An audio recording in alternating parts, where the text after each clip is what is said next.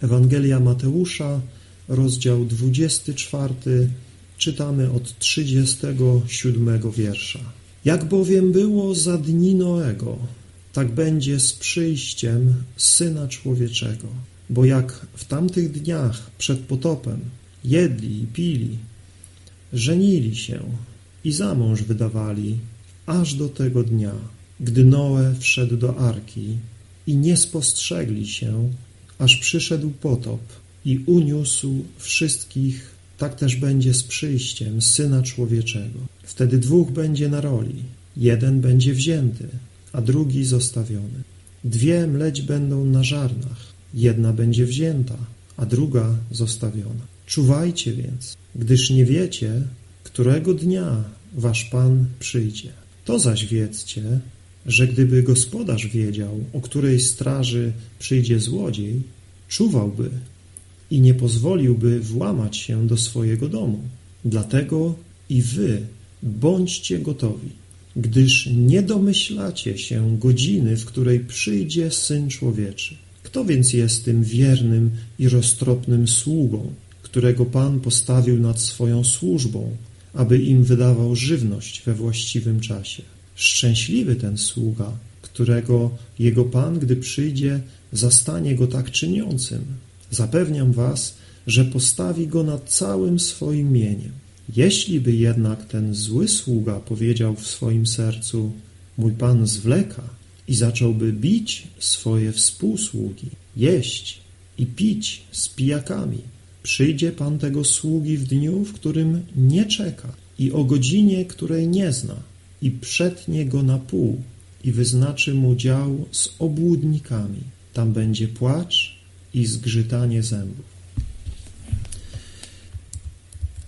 Przechodzimy więc do konkluzji rozważań na temat powtórnego przyjścia Pana Jezusa Chrystusa. Konkluzji, w której Pan Jezus udziela swoim uczniom praktycznych rad. Oczywiście w tym, co już wcześniej mówił, odpowiadając na pytanie uczniów dotyczących zburzenia świątyni i jego powrotu, zawarł różnego rodzaju praktyczne rady, ale dotychczasowa jego wypowiedź koncentrowała się na tym, co musi się stać.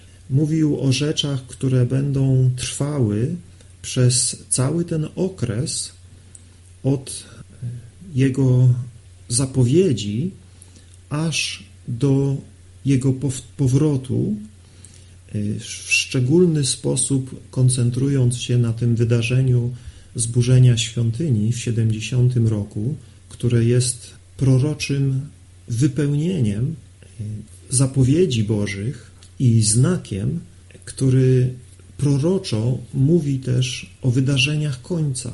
Pan Jezus przygotowuje swoich uczniów na czas wielkich trudności, czas wielkiego ucisku, czas prześladowań, czas y, niepokojów na świecie, kataklizmów, chorób, zaraz, konfliktów. Pan Jezus mówi swoim uczniom, to wszystko będzie się działo i to już za waszego pokolenia. Te wszystkie rzeczy mówi już to pokolenie, do którego teraz mówię, już tych wszystkich rzeczy doświadczy.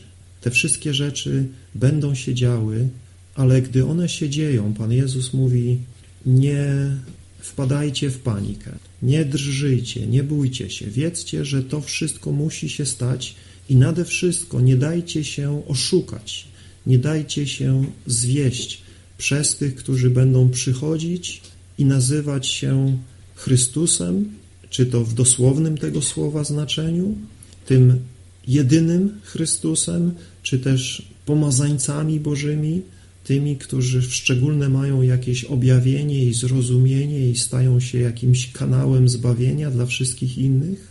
I nie dajcie się zwieść którzy, tym, którzy wam będą mówić, że Chrystus już przyszedł w jakiś ukryty sposób, e, że tam jest albo gdzieś indziej się ukrywa, na jakimś pustkowiu, w jakimś nieznanym miejscu.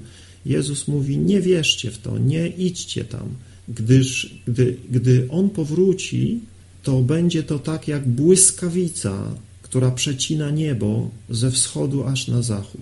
Jego przyjście będzie widoczne dla wszystkich. To nie będzie tak, że to Jego przyjście będzie jakieś tajemne, ukryte, tak jak świadkowie Jehowy twierdzą, że w 1914 roku Pan Jezus przyszedł w niewidzialny sposób. Takich kłamców jak oni było i jest wielu, którzy wykrzywiają proste drogi Boże i naukę Bożą. Pan Jezus wyraźnie tutaj mówi, że z Jego przyjściem będzie tak, że nie będzie wątpliwości, wszyscy to zobaczą.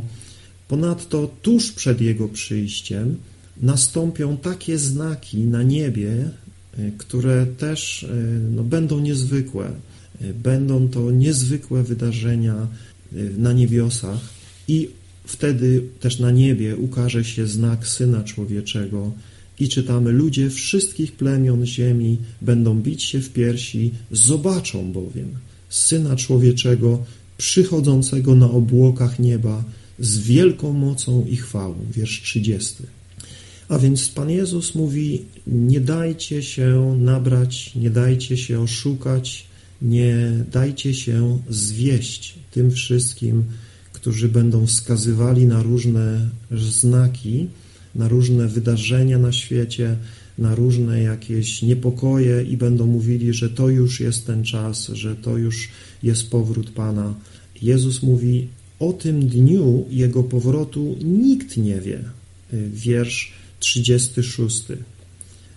Tego dnia ani tej godziny nikt nie zna, ani, ani aniołowie nawet w niebie, ani nawet Syn, tylko Ojciec. A więc tutaj bez żadnych wątpliwości Pan Jezus mówi o tym, że ten dzień jest dniem, o którym wie tylko Ojciec w niebie. Nawet Pan Jezus, będąc tutaj na ziemi jako człowiek, nie wiedział, nie znał dnia ani godziny. I dalsza część, e, kolejne wiersze to jeszcze ilustrują. Pan Jezus jeszcze o tym dodatkowo mówi, ilustrując to historią Noego i dając tą ilustrację złodzieja, który przychodzi e, w nocy, w najbardziej niespodziewanej godzinie. I to wszystko Pan Jezus mówi po to, aby wierzący w Niego byli w ciągłej gotowości na Jego przyjście, żeby wierzący ludzie wiedzieli, że Jego przyjście może nastąpić w każdym czasie. Oczywiście będzie poprzedzone pewnymi niezwykłymi wydarzeniami, ale ludzie wierzący mają cały czas żyć w oczekiwaniu na powrót swojego Pana. Mają być zawsze gotowi. Nie mówić sobie, a jeszcze to się nie wydarzyło, jeszcze tamto się nie wydarzyło, jeszcze mamy czas. Albo tak jak inni robią, śledzą pilnie te wszystkie wydarzenia na Bliskim Wschodzie, co tam się dzieje w, Jerozolim, w Jerozolimie i wnioskują i spekulują i już przepowiadają jakieś wydarzenia, daty i tym się ekscytują, piszą książki, mówią kazania i e, próbują podekscytować innych do mm, rychłego oczekiwania powrotu pańskiego. Oczywiście chrześcijanie powinni oczekiwać rychłego powrotu pańskiego.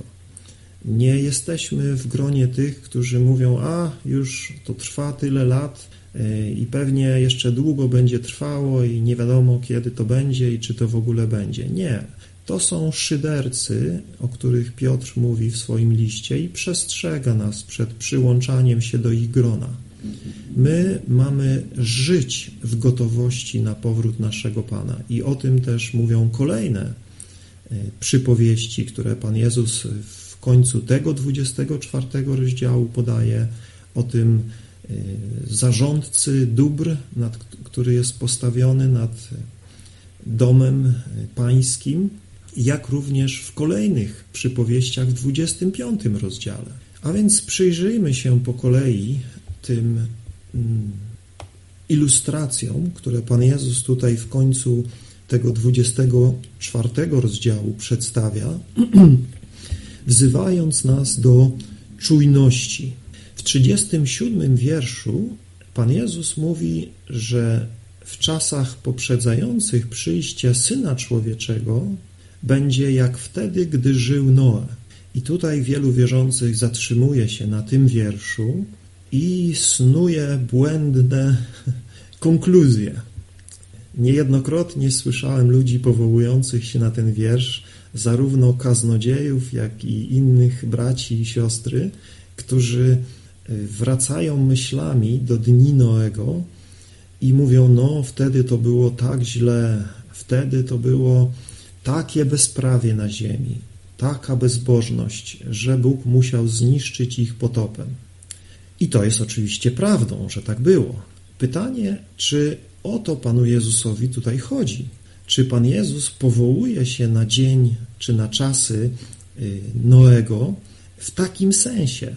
Zauważcie, że w następnych wierszach Pan Jezus wyjaśnia, co się działo w czasach Noego. I zauważcie, że Pan Jezus nie mówi tutaj o jakiejś strasznej bezbożności i mm, strasznych rzeczach, które działy się za dni Noego, ale co Pan Jezus mówi? Na co Pan Jezus się powołuje z czasów Noego?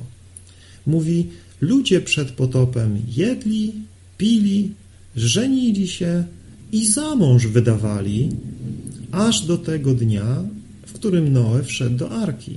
Czyli Pan Jezus mówi o tym, że mimo iż Noe budował arkę przez 120 lat, mimo iż Noe, jak czytamy, był zwiastunem sprawiedliwości, więc zakładamy, że też głosił i ostrzegał ludzi przed nadchodzącym sądem w postaci potopu, budując arkę, wzywał ludzi do pokuty, opamiętania, ale ludzie żyli swoim życiem. Jedli, pili, żenili się i za mąż wydawali, aż do tego dnia, w którym Noe wszedł do arki. Nie przejmowali się tym zwiastowaniem Noego, tylko prowadzili swoje życie. I Pan Jezus mówi, że tak samo będzie z przyjściem Syna Człowieczego. Ludzie będą jedli, pili, żenili się, za mąż wydawali, czyli życie będzie toczyć się tak jak toczyło się tysiące lat temu, za czasów Noego. Czytamy w wierszu 39, że spostrzegli się dopiero, gdy przyszedł potop i zmiótł wszystkich. Tak też będzie z przyjściem Syna Człowieczego. A więc ludzie będą sobie żyli swoim życiem, robili te rzeczy, które zawsze robili, aż przyjdzie Syn Człowieczy. Czyli zauważcie, że Pan Jezus, mówiąc wcześniej o tych różnych wydarzeniach, mówiąc wcześniej o tych różnych dramatach, tragediach, cierpieniach, kataklizmach, nie twierdzi, że przez to ludzie przestaną żyć tak, jak zawsze żyli. Nie, ludzie dalej będą e, sobie żyli, jak żyli do tej pory. Nie będą się tymi rzeczami tak przejmowali i nie będą sobie takich brali do serc, że będą myśleli, no co coś zapowiada, no y, coś pewnie niezwykłego się wydarzy. Większość ludzi nie będzie w ten sposób reagowała na najstraszniejsze kataklizmy, na najstraszniejsze zarazy, na różnego rodzaju wojny i wieści wojenne. Niestety ludzie nadal będą swoim życiem żyli i to do niewielu przemówi. Nie mówię, że do nikogo, z pewnością tacy byli i tacy są, którzy w okresach tych różnych kataklizmów, doświadczeń, problemów zaczynali szukać, zaczynali się zastanawiać, zaczynali zgłębiać, czy coś przypadkiem to nie zwiastuje. I oczywiście wiecie, że nie tylko Pismo Święte zapowiada koniec tego świata w takim stanie, w jakim on funkcjonuje, ale również mamy wielu innych zapowiadających koniec świata. Niedawno mm, dużo się mówiło o tych zapowiedziach Majów, o tym, jak oni przepowiedzieli koniec świata y, na początku XXI wieku. Y, wielu ludzi ekscytowało się przepowiedziami Nostradamusa, czy Sybilli, czy innych wieszczów, którzy mówili o nadejściu jakichś strasznych czasów i końca świata ale to są tylko powody do takich chwilowych, przejściowych ludzkich ekscytacji. Ludzie poczytają, podyskutują, porozmawiają i dalej życie toczy się jak się toczyło. I Pan Jezus mówi, tak właśnie będzie, gdy przyjdzie Syn Człowieczy. Ludzie dopiero się zorientują, kiedy On przyjdzie. Będą zaskoczeni, będą zdziwieni. I mówi, że wtedy, właśnie tutaj to ilustruje, dwóch będzie na roli, jeden będzie wzięty, a drugi zostawiony. Dwie będą mleć w żarnach, jedna będzie wzięta, druga zostawiona. I o co tutaj chodzi? Co, co, gdzie będzie wzięta?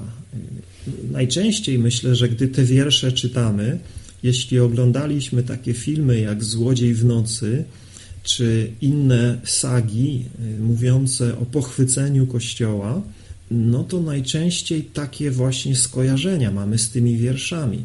Czyli dwóch będzie na roli i nagle jeden zniknie i drugi będzie zdziwiony na polu, a gdzie ten, co się z nim stało? Y, ktoś został zabrany. I podobnie tutaj dwie kobiety y, wykonują jakąś pracę przy żarnach i nagle jedna znika, a druga zostaje zostawiona. Jedna pochwycona w górę, a druga zostawiona. Y, być może to rzeczywiście do czegoś takiego się odnosi, ale zauważcie, że Pan Jezus tutaj nie przedstawia tego w ten sposób. Pan Jezus raczej mówi o pewnym rozdzieleniu dwóch rodzajów ludzi, jeśli tak mogę to ująć. Mówi o tym, że jedni zostaną wzięci, pytanie, gdzie zostaną wzięci. Tutaj Pan Jezus nie mówi, zostaną wzięci do góry na spotkanie ze mną. Nie, Jezus tego nie mówi. Jezus mówi, że jeden zostanie wzięty, a drugi zostawiony. Jedna będzie wzięta, druga zostawiona. Więc tutaj Pan Jezus raczej mówi o tym, że nastąpi rozdział między ludźmi. Y, jedni znajdą się tam, gdzie jest ich Pan, drudzy nie. Pytanie, czy ci, którzy będą wzięci, nie zostaną zabrani, tak jak wcześniejszy wiersz mówi, że potop zabrał wszystkich, że potop uniósł wszystkich. Czy to nie będzie zabranie na sąd? Czy to nie będzie zabranie na wieczną karę? A ci zostaną zostawieni w znaczeniu zostawieni, by żyć na tej nowej ziemi.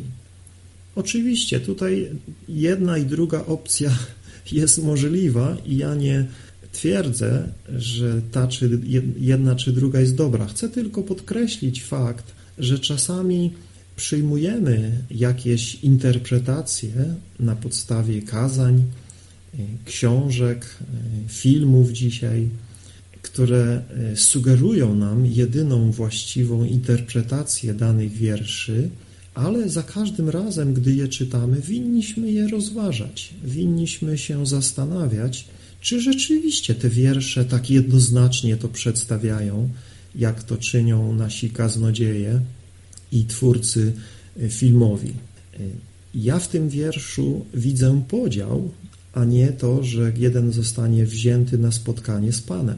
Pan Jezus w 42 wierszu mówi Czuwajcie zatem, ponieważ nie wiecie, którego dnia wasz Pan przyjdzie. Jeżeli mowa jest tutaj o pochwyceniu Kościoła, to wiemy, że to nie jest jeszcze czas przyjścia Pana, ponieważ ci, którzy wierzą w pochwycenie Kościoła, mówią, że Pan dopiero przyjdzie siedem lat później, że wtedy Kościół zostanie pochwycony, a na świecie zapanuje siedem lat wielkiego ucisku i dopiero po tych siedmiu latach wielkiego ucisku Pan Jezus przyjdzie. A więc albo mamy dwa przyjścia Pana, które jedno po swój Kościół, a drugie po siedmiu latach przebywania tego Kościoła na obłokach z Panem, albo mamy jedno przyjście Pana, kiedy Pan Jezus przyjdzie i wtedy to wydarzy się to, o czym tutaj dalej czytamy, że jedni zostaną nagrodzeni, a drudzy zostaną ukarani. Więc to są trudne koncepcje i mamy tutaj różne próby zrozumienia tego, i różne interpretacje dotyczące przyjścia pańskiego, czy ono właśnie odbędzie się w kilku fazach, czy Pan Jezus najpierw przyjdzie po swój Kościół, by go zabrać przed tym ostatecznym okresem cierpienia. Niektórzy twierdzą, że to nastąpi w połowie tego okresu, że Kościół będzie przechodził przez jakąś część tego okresu ucisku. Niektórzy twierdzą, że 3,5 roku, czyli połowę tego okresu, i w połowie tego okresu zostaną zabrani, wyratowani, i przez 3,5 roku będą na obłokach z Panem, a potem przyjdą z nim ponownie. A niektórzy wierzą, że Kościół będzie przechodził przez cały okres wielkiego ucisku i gdy Pan Jezus powróci, wtedy zostaną pochwyceni na spotkanie z Nim. Więc tutaj mamy różne próby zrozumienia i zestawienia tych różnych fragmentów Pisma, które zapowiadają te wydarzenia, ale nie zapowiadają ich w jasny, chronologiczny sposób, więc tutaj już e, kaznodzieje i teologowie e, spekulują, próbując ustalić kolejność tych wydarzeń. Natomiast w tym, co tutaj wyraźnie czytamy, to wezwanie do czuwania. Zauważcie, wiersz 30, 42. Pan Jezus mówi: Czuwajcie zatem. Kiedy Pan Jezus mówi o tym zabraniu i zostawieniu, mówi: Czuwajcie zatem, ponieważ nie wiecie, którego dnia wasz Pan przyjdzie. Więc tu jest akcent postawiony. Nie wiemy, którego dnia nasz Pan przyjdzie, więc mamy ciągle czuwać. Mamy ciągle mieć się na baczności. Mamy tak żyć, aby kiedykolwiek nasz Pan by nie przyszedł, my będziemy gotowi na spotkanie z Nim. I dalej Pan Jezus to ilustruje kolejną, kolejnym obrazem o gospodarzu, który nie wie, kiedy złodziej może przyjść. Gdyby, gdyby gospodarz wiedział, o której godzinie przyjdzie złodziej, no to wtedy tylko w tej godzinie by czuwał. Spałby sobie w innych godzinach, zajmowałby się czymś innym, ale na tą godzinę byłby przygotowany i czekałby, y, czy to z kijem, czy to z, z, z, mieczem, czy to też z innymi ludźmi, żeby tego złodzieja przyłapać na gorącym uczynku i nie pozwolić mu włamać się do swego domu. Ale gospodarz nie wie, o której godzinie, o której porze w nocy może przyjść złodziej. Więc co? Musi cały czas e, podejmować środki zabezpieczające się przed złodziejem. Jeśli ma w domu jakieś cenne rzeczy i nie chce, by zostały skradzione, to nie może ich zostawiać e, o żadnej porze bez zabezpieczenia. Więc Pan Jezus tutaj daje kolejną ilustrację, mówiąc nam, że wiersz 44 wyraźnie mówi, dlatego i wy bądźcie gotowi, gdyż Syn Człowieczy przyjdzie o godzinie, której się nie domyślacie. Czyli ci wszyscy, którzy się domyślają, błądzą. Ci wszyscy, którzy spekulują, raczej nie trafią, bo Pan Jezus powiedział, że On przyjdzie o godzinie, której się nie domyślacie. Więc y, wszelkie domysły i y, spekulacje na temat dnia powrotu pańskiego y, są stratą czasu, są daremne. Raczej Pan Jezus mówi: bądźcie gotowi o każdej porze, czuwajcie, czuwajcie zatem. I Pan Jezus przechodzi do tego, w jaki sposób mamy czuwać. Nie chodzi o to, że teraz mamy nic nie robić i wpatrywać się w niebo i czekać dzień i noc, kiedy nasz Pan przyjdzie. Nie. Ci, którzy ustalali daty, ci, którzy ustalali jakieś terminy, tak właśnie robili. Sprzedawali wszystko, Y, udawali się w jakieś miejsce i tam czekali, czekali, czekali i się nie doczekali. I potem było wielkie rozczarowanie, wielkie spory, wielkie kłótnie i nowe denominacje. Ale Pan Jezus mówi: Wy czuwajcie cały czas, bądźcie gotowi cały czas ponieważ nie wiecie, wiersz 42, nie wiecie, którego dnia wasz Pan przyjdzie. I teraz Pan Jezus daje ilustrację. Daje ilustrację o dwóch sługach. Jeden wierny i mądry i drugi zły sługa. Więc mamy tutaj przykład, jak należy czekać i jak nie należy czekać. Kto jest więc tym wiernym i mądrym sługą, którego Pan postawił nad pozostałymi, by im wydawać żywność we właściwym czasie?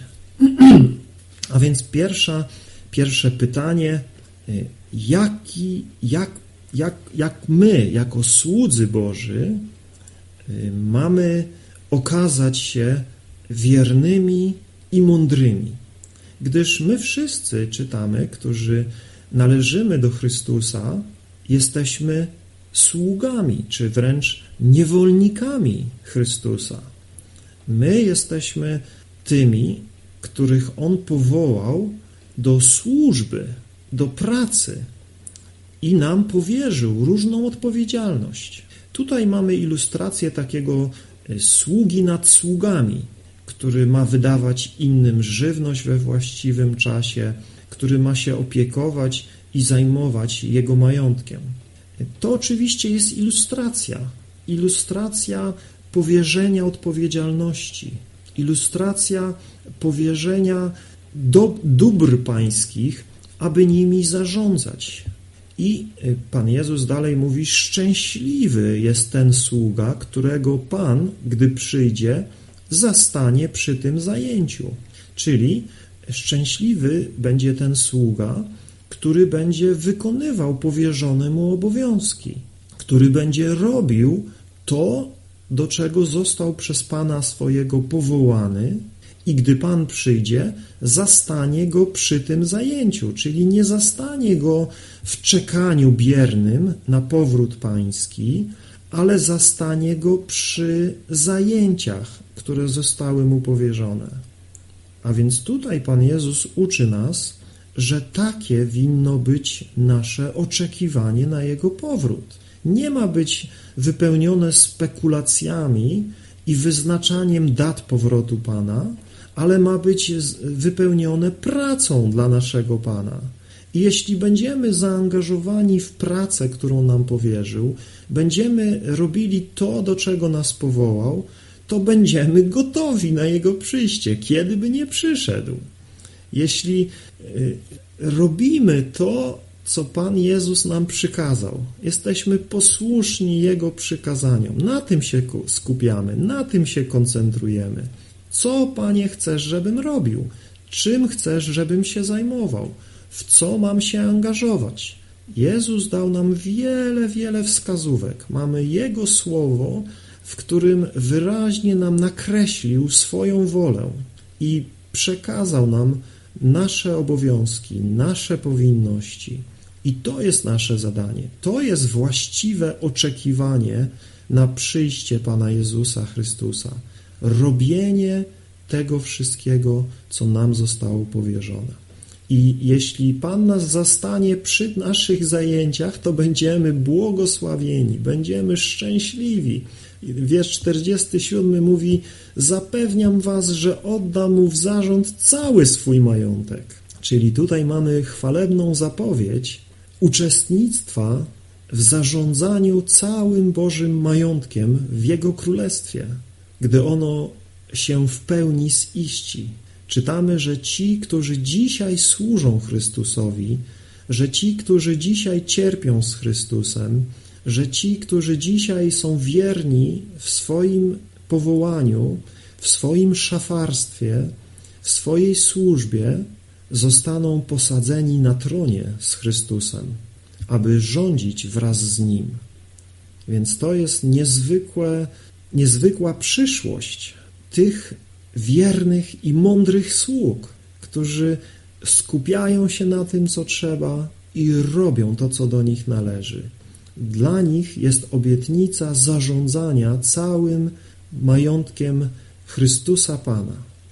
Lecz jeśli jakiś zły sługa powiedziałby w swoim sercu, mój Pan zwleka z przyjściem, a więc tutaj mamy drugiego sługę, zauważcie, to też jest sługa, a więc ktoś, kto mieni się służyć Panu Jezusowi, bo tutaj przecież mamy taką ilustrację przyjścia Syna Człowieczego i Jego sług, ale jest to zły sługa.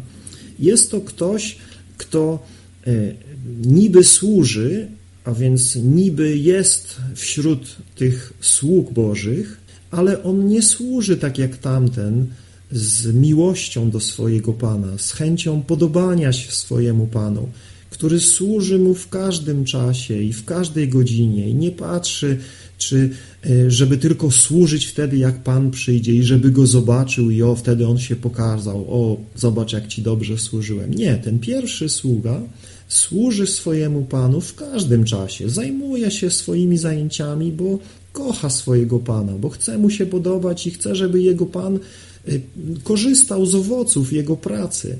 Natomiast ten drugi sługa to jest zupełnie inny człowiek, ma zupełnie inne nastawienie. On y, chętnie by y, był zastany przy pracy, ale wtedy, kiedy jego Pan powróci, czyli cały inny czas wolałby się czymś innym zajmować, jakoś inaczej spędzić swój czas, ale gdyby wiedział, o której godzinie Pan przyjdzie, no to wtedy oczywiście by się przygotował na Jego przyjście. Gdyby znał ten dzień i tą godzinę, no to wtedy jak najbardziej by sobie pohasał, pobawiłby się, poszalał, a potem wszystko posprzątał ładnie, przygotował, stworzył pozory, i na samo przyjście Pana już pochylałby się w pas i witałby go i, i mówi: Zobacz, zobacz, jak dobrze zarządzałem Twoją własnością. Ale ten sługa zły y, mówi w swoim sercu: Mój Pan zwleka z przyjściem. Czyli tutaj zauważcie po raz pierwszy, nie po raz ostatni, ale po raz pierwszy w tej całej wypowiedzi, y, mamy sugestię Pana Jezusa, że Jego przyjście, chociaż rychłe, może się odwlec. Ten sługa, widząc, że Pan nie wraca, zaczyna myśleć, no y, nie ma go i nie ma go i nie ma go, no to pewnie jeszcze długo go nie będzie. Zwleka z przyjściem, pewnie jeszcze mam dużo czasu na jego powrót.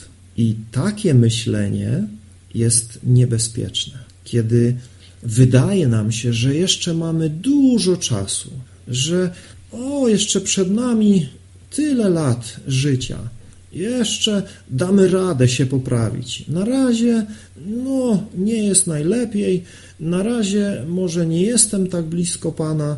No, na razie troszeczkę tutaj gdzieś błądzę, zajmuję się nie tym, co trzeba, robię nie to, co trzeba, ale mam jeszcze czas. Mój Pan zwleka z przyjściem. Pewnie tak szybko nie przyjdzie. Czyli tutaj widzimy to błędne, złe myślenie o tym, że mamy jeszcze dużo czasu. Myślimy, że Pan nadal będzie zwlekał. I do czego prowadzi takie myślenie? No, prowadzi do rozpusty, prowadzi do nadużyć, prowadzi do złego traktowania innych. Widzimy, że ten zły sługa zaczyna bić swoich podwładnych, je i pije z pijakami, czyli zajmuje, za, z, wchodzi w złe towarzystwo, spędza czas z niewłaściwymi ludźmi i źle traktuje e, swoich podwładnych, źle traktuje swoich współsług. To tak jak za czasów Mojżesza, gdy Mojżesz poszedł na górę i nie było go zaledwie 40 dni, czy nawet jak już 40 dni, to już wtedy już tam się na dole działo w obozie. A więc po jakimś czasie, gdy Mojżesz poszedł na górę i nie wracał, to ludzie, a zaczął, gdzie on poszedł, a kiedy on wróci, no to coś tutaj y, trzeba ten czas jakoś dobrze wykorzystać, no to zabawmy się, no to zróbmy cielca, no to będziemy jedli, pili bawili się. Gdyby wiedzieli, że Mojżesz y, zaraz wróci, no to nie ważyliby się, to tam czekaliby grzecznie i przywitaliby Mojżesza pobożnie i wszystko byłoby ok. Ale jak już Mojżesza nie było ileś tam dni, może tydzień, może dwa, może trzy, no to zaczęło im się cknić do zabawy, zaczęło im się cknić do rozpusty. No i jak Mojżesz szedł, to wiemy, co było, jaka była konsekwencja tej ich e, hulanki jak Mojżesz rozbił te kamienne tablice, jak ich napoił tym cielcem, gdy go zmielił na proch. I podobnie tutaj. Pan Jezus mówi, jeśli taką będziemy mieli postawę, jeżeli tak, takimi złymi sługami będziemy, którzy myślą, że mają czas, że nie muszą dzisiaj naprawiać swoich dróg, którzy myślą, że nie muszą dzisiaj zajmować się sprawami pańskimi, bo mają na to czas, a zajmują się własnymi sprawami, to będą zaskoczeni. Czytamy, że przyjdzie Pan tego sługi w dniu, o którym go nie oczekuje, o godzinie, której nie przeczuwa i surowo go ukaże. Surowo go ukaże.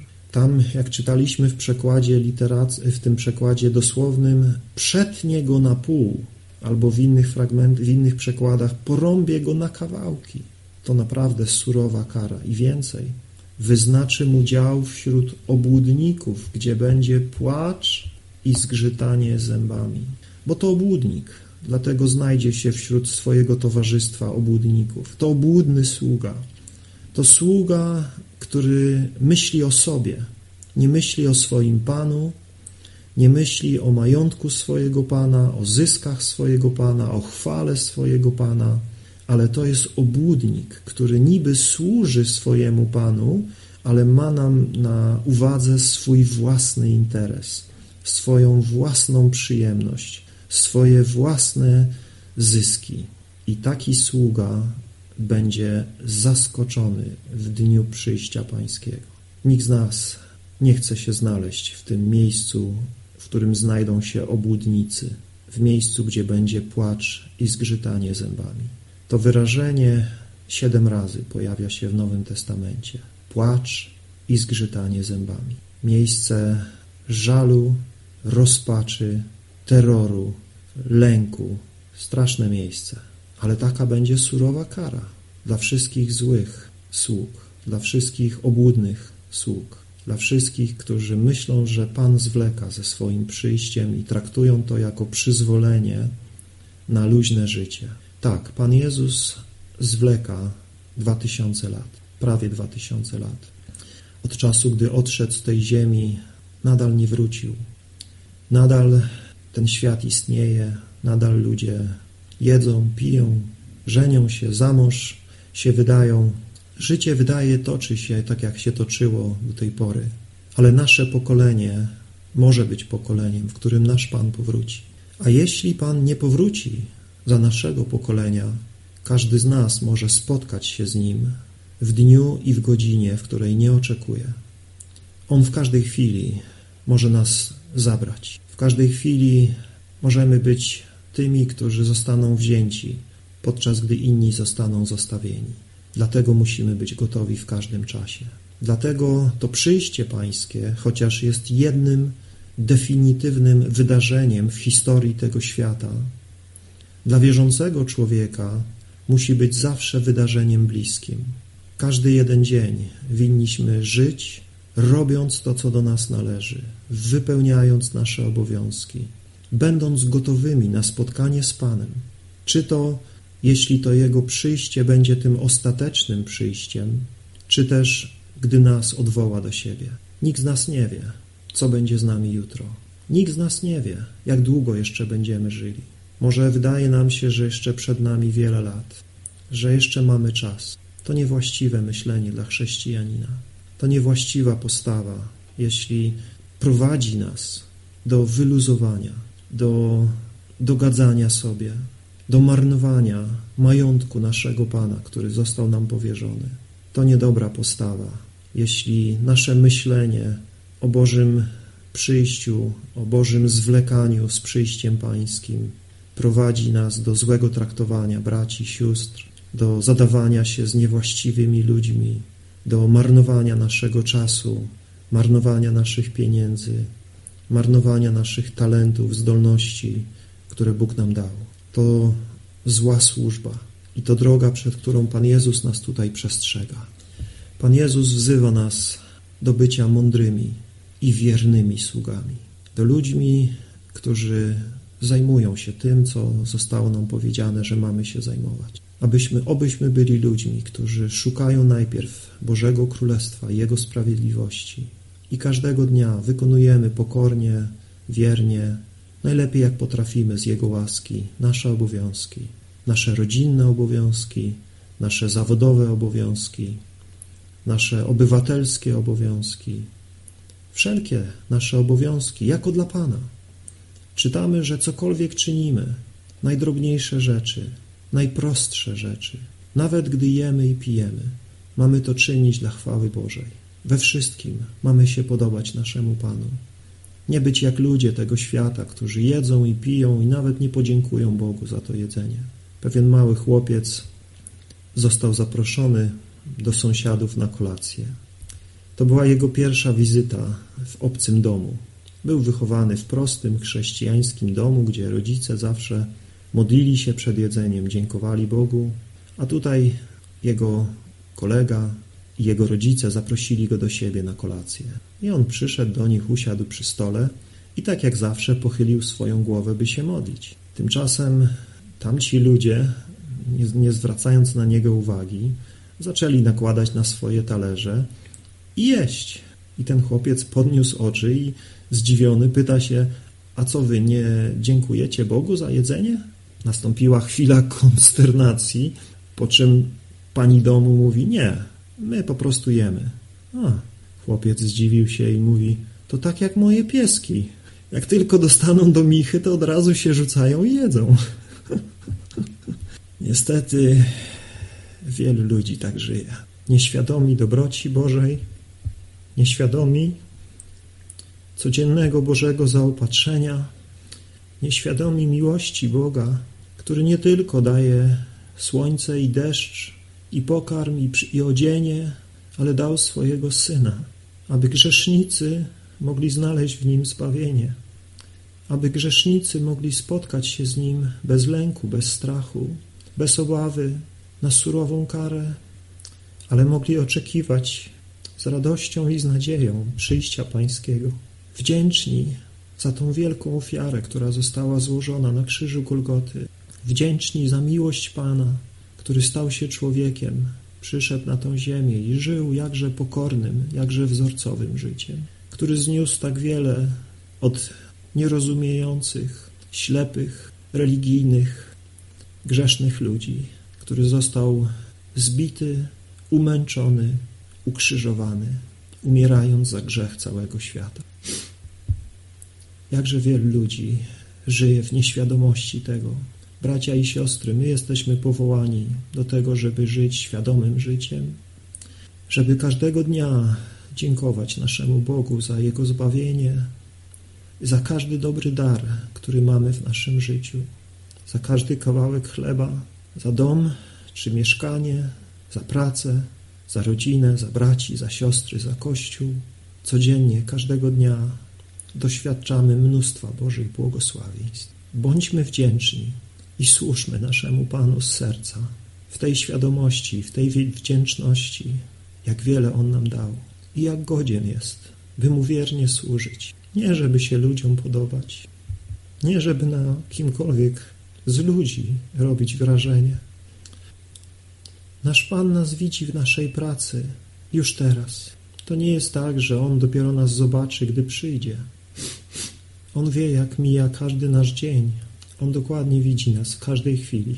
I nie da się oszukać. I nikt nie jest w stanie tak żyć, by w jakimś konkretnym czasie się przygotować na spotkanie z Nim. Ci, którzy nie gotują się dzisiaj, ci, którzy dzisiaj Mu wiernie nie, nie służą, nie będą Mu służyli u końca swoich dni. Łudzą się ci wszyscy, którzy liczą na nawrócenie na łożu śmierci. Biblia mówi, że dzisiaj jest dzień łaski i dzisiaj jest dzień zbawienia. I dzisiaj jest czas, by służyć Bogu. Dzisiaj jest czas, by być tym wiernym i mądrym sługą, aby być szczęśliwym sługą, gdy Pan przyjdzie lub gdy powoła nas do siebie. Kochany Ojcze, prosimy, byś zachował nas od marnowania naszego czasu. Prosimy, byś pomógł każdemu z nas rozumieć wielkość Twojego zbawienia, wspaniałość Twojego zbawienia, ogrom Twojej łaski, ogrom Twego miłosierdzia. Panie, zachowaj nas od daremnych spekulacji, zachowaj nas od sporów i kłótni na temat czasów końca, a pomóż nam zachęcać się do życia, które jest obrazem naszej wiary w Twoje przyjście, które jest wyrazem naszej wiary, że ten świat i to wszystko, co na nim przeminie, zostanie w ogniu zniweczone. Daj byśmy prowadzili takie życie pielgrzymów, którzy oczekują nowego nieba i nowej ziemi, na których zapanuje sprawiedliwość. Dopomóż nam, dopomóż nam wytrwale pielgrzymować, wiernie Ci służyć i w szczęśliwości powitać Ciebie, gdy przyjdziesz. Amen.